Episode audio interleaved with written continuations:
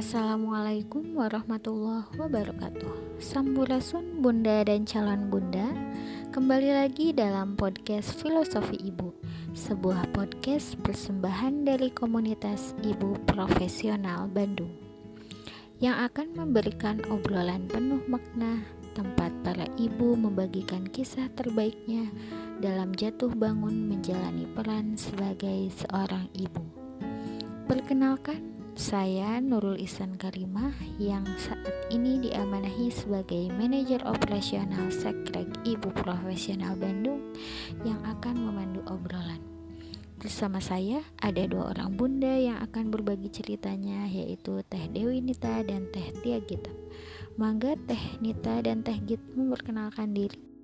Bismillahirrohmanirrohim. Assalamualaikum warahmatullahi wabarakatuh. Hai ibu pembelajar Perkenalkan saya Dewi Nita Punamasari Biasa dipanggil Teh Nita Ibu dari seorang anak. Di Ibu Profesional Bandung sendiri Saya diamanahi sebagai tim online di DIY Toys IP Bandung. Terima kasih. Halo, Assalamualaikum Perkenalkan, saya Tia Gita Andini Mardiah, boleh dipanggil Git. Saya ibu dari satu orang anak di Ibu Profesional Bandung sebagai mahasiswi Bunda Sayang dan tim desain sekretaris regional Bandung. Baik, langsung saja kita mulai obrolan kita kali ini.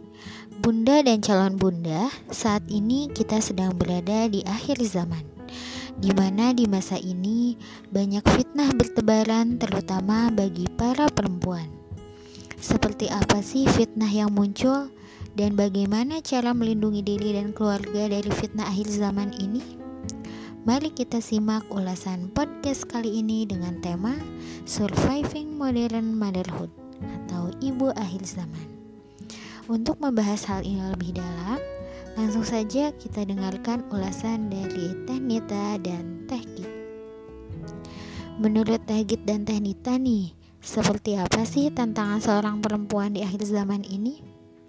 Silakan Teh Git terlebih dahulu menyampaikan pendapatnya. Ya, tantangan perempuan di akhir zaman ini bisa dilihat dalam salah satu hadis sohih.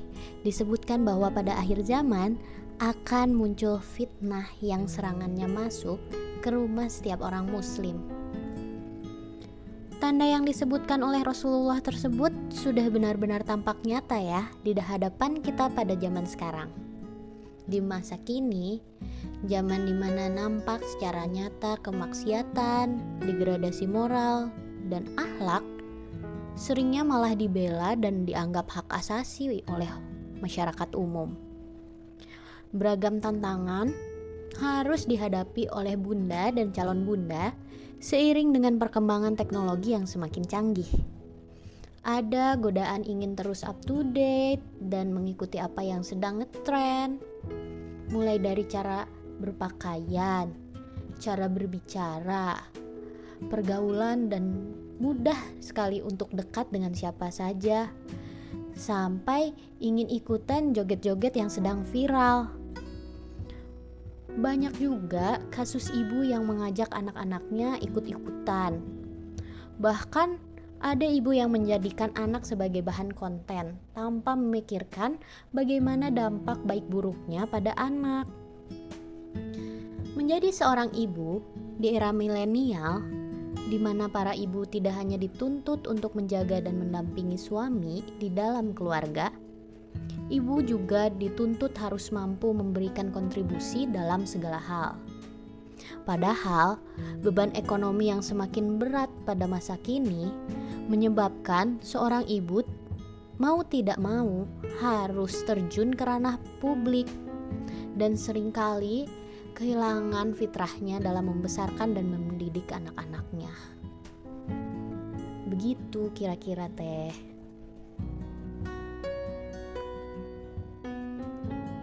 Wah, ternyata banyak juga ya tantangan perempuan akhir zaman ini. Kalau menurut Tenita gimana nih? Silahkan Tenita untuk menyampaikan pendapatnya. Baik Teh Nurul, jadi menjadi seorang ibu adalah amanah besar yang harus kita pikul. Alih-alih bahagia, bisa jadi stres, bahkan de depresi melanda jika salah mengambil langkah. Ya, sejatinya menjadi seorang ibu tidak hanya sekedar melahirkan saja, melainkan juga membentuk karakternya dan menciptakan konsep dirinya. Jadi dulu kan ibu muda kalau enggak tahu sesuatu tanya ke orang tua atau mertua. Sekarang banyak cara tinggal klik dan di mana-mana banyak influencer parenting dan para ibu selalu punya ekspektasi ingin mirip orang. Dulu dibandingkan sama kakaknya sendiri atau tetangga. Sekarang dibandingkan dengan orang lain oleh netizen. Apalagi di era digital ini, jika tidak disikapi dengan bijak, bisa mengalihkan visi besar orang tua dalam mendidik anak.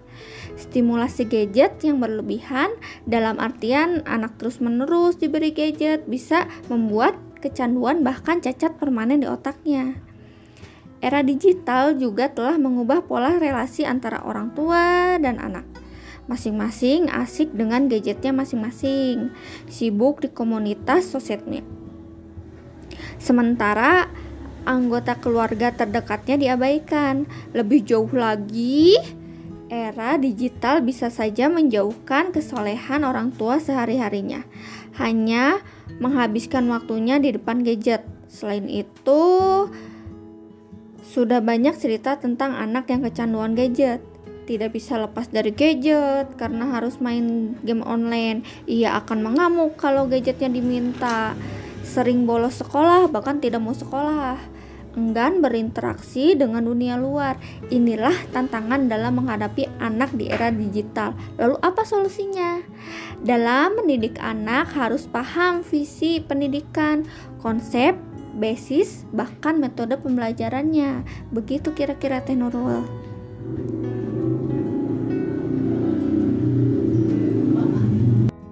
Ternyata kalau disebutin banyak juga ya Teh tantangan perempuan akhir zaman ini. Nah, saya jadi penasaran, selama ini bagaimana cara yang dilakukan oleh Tenita dan Teh Git sebagai seorang perempuan, istri, dan ibu dalam menghadapi fitnah akhir zaman ini? Mangga, boleh Tenita dulu? Ya, nah jadi seorang ibu itu harus menanamkan akidah Islam yang kokoh sejak dini. Uh, sehingga menciptakan kecintaan yang mengakar di dalam jiwa anak-anak kita pada robnya. Selain itu, seorang ibu juga wajib mengajarkan perkara syariat kepada anak-anaknya sebagai konsekuensi atas akidahnya. Perkara syariat yang diajarkan kepada anak-anak dari hal yang paling kecil dalam kehidupan kesehariannya, misalnya mengajarkan anak berkata yang baik, tidak berdusta, membedakan yang baik dan yang buruk eh, lalu mengajarkan anak berpikir kritis atas dampak yang akan diterima anak atas perbuatannya. Jadi kalau misalnya kita sudah memberikan pelajaran uh, mana yang baik, mana yang buruk. Jadi anak nanti berpikir kritis nih. Ah, kalau berbuat seperti ini dampaknya baik nggak ya buat saya gitu. Kalau ber, uh, berbuat seperti ini nanti ke depannya gimana ya begitu kira-kira Teh Nurul. Ya, terima kasih Tenita. Selanjutnya saya ingin dengar dari Teh Git. Mangga Teh Git, gimana nih menurut Teteh? Oke, sebagai perempuan, seorang istri dan ibu, saya mencoba untuk meneladani wanita-wanita hebat yang tidak tergerus oleh zaman. Contohnya seperti Ummu Khadijah, seorang ibu yang pintar, ulet, dan mandiri juga seorang istri yang setia, soleha, dan patuh pada suami. Atau bisa juga mengambil teladan dari Siti Hajar, seorang ibu yang sekuat tenaga berjuang untuk anaknya Nabi Ismail. Saya juga mengambil teladan dari Asma binti Abu Bakar, menjadi seorang ibu yang cerdas dan pemberani. Di era digital ini, kita wajib menjadi seorang wanita cerdas dengan menggenggam visi dan misi yang berpegang teguh pada Al-Quran dan As-Sunnah. Tentunya, ini harus dibekali oleh ilmu dan wawasan. Oleh karena itu, kita harus senantiasa belajar, tak terlewat belajar di bidang teknologi yang setiap harinya semakin canggih, supaya Bunda tidak kalah oleh keadaan dan bisa optimal dalam mencari ilmu. Di lingkungan keluarga merupakan tumpuan yang utama dan pertama dalam mempersiapkan generasi penerus peradaban, yaitu anak-anak kita. Oleh karena itu, ibu harus kompak dengan suami untuk menjaga ketahanan keluarga. Menarik nih Teh. Tadi dikatakan bahwa tantangan di era digital ini adalah kecanggihan teknologi yang jika tidak dihadapi dengan bijak akan siap merusak generasi. Menurut Teh Git dan Teh Nita nih, bagaimana antisipasi dari dampak negatif era digital terhadap anak khususnya? Mangga boleh Teh Gita dulu. Sebagai seorang ibu zaman now, kita mungkin tidak punya pengalaman masa kecil dengan teknologi seperti anak-anak kita zaman sekarang. Kita juga tidak menerima warisan ilmu dari generasi di atas kita tentang bagaimana mengasuh anak di tengah gempuran teknologi dan informasi. Oleh karena itu, kita perlu terlebih dahulu memaklumi bahwa teknologi akan menjadi bagian yang tidak terpisahkan dari kehidupan anak-anak kita. Pertama, ibu harus mengedukasi diri sendiri karena ibu tidak boleh lagi gagap teknologi dan buta literasi digital. Kemudian, Bunda bisa membangun komunikasi terbuka dengan anak. Mungkin ketika anak masih kecil, lebih mudah bagi orang tua untuk memonitor aktivitas mereka di internet. Namun, bagaimana ketika mereka telah beranjak remaja? Nah, di situlah letak pentingnya membangun komunikasi terbuka dan kepercayaan antara orang tua dan anak sejak dini. Lalu Bunda bisa membuat aturan penggunaan gadget seperti mengatur durasi, waktu, tempat, dan konten, lalu disepakati bersama dan konsisten dalam penerapan dan konsekuensinya. Bunda bisa terhubung dan mengikuti akun anak di media sosial dengan tetap menghargai privasi mereka. Yang penting, Bunda juga harus mencoba sendiri beragam aplikasi games, dan situs online sebelum mengizinkan anak untuk mengakses atau menggunakannya. Di lain sisi, kita juga tidak dapat melupakan jutaan peluang dan kemudahan yang muncul karena perkembangan teknologi ini. Salah satu tugas kita sebagai orang tua mengarahkan anak untuk beraktivitas positif dengan memanfaatkan bantuan teknologi. Seperti itu. Selanjutnya dari Tehnita, silahkan. Baik, jadi ada beberapa antisipasi nih yang bisa kita lakukan untuk mengatasi dampak negatif era digital ini. Yang pertama, kenalkan ponsel kepada anak sesuai dengan fungsi utamanya, yaitu sebagai alat komunikasi seperti telepon, SMS, atau video call. Setelah itu, kenalkan anak pada tool produktivitas seperti lokasi, peta, alarm, kalkulator, kalender, to-do list, penerjemahan, aplikasi desain, dan aplikasi belajar. Setelah itu, anak boleh sesekali mengakses hiburan seperti musik, mencari video di YouTube, ataupun mencari informasi di Google. Yang kedua, kapan nih waktu yang tepat untuk mengenalkan gadget kepada anak? Yaitu ketika orang tuanya siap untuk mendampingi dan menjelaskan apa itu fungsi gadget sebenarnya, maka boleh dikenalkan kepada anak. Yang ketiga, sebaiknya diberi pada usia berapa? Sebaiknya diberikan pada usia di atas 3 tahunan. Jadi jangan sampai salah melekat. Umur 0 sampai 3 tahun itu adalah periode emas attachment atau kelekatan. Ketika dopamin sedang terbentuk, atau diproduksi pada usia ini, seorang anak akan nekat pada apa pun atau siapa pun yang membuatnya senang. Jadi kalau anak awalnya senang ke gadget ya terus anak akan senang bermain gadget. Mungkin uh, uh, jadi kurang senang bermain dengan orang tuanya ataupun teman sebayanya. Yang keempat, beri aktivitas alternatif lain yang lebih menarik atau sama menariknya dengan gadget atau game. Misalnya berkemah, outbound, berenang, pergi ke museum, bikin kreasi mainan sendiri misalnya. Jadi jangan malah anak disuruh selalu membersihkan pekerjaan rumah ataupun belajar.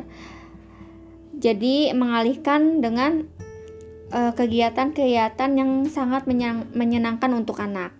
Yang kelima, buat anak selalu sibuk dengan tanggung jawab dengan diajarkan prioritas seperti tugas pribadi seputar rumah tangga, misalnya mencuci, belanja, menyiram tanaman atau membuang sampah. Jadi, kalau anak sudah diberikan tanggung jawab, oh, pekerjaan yang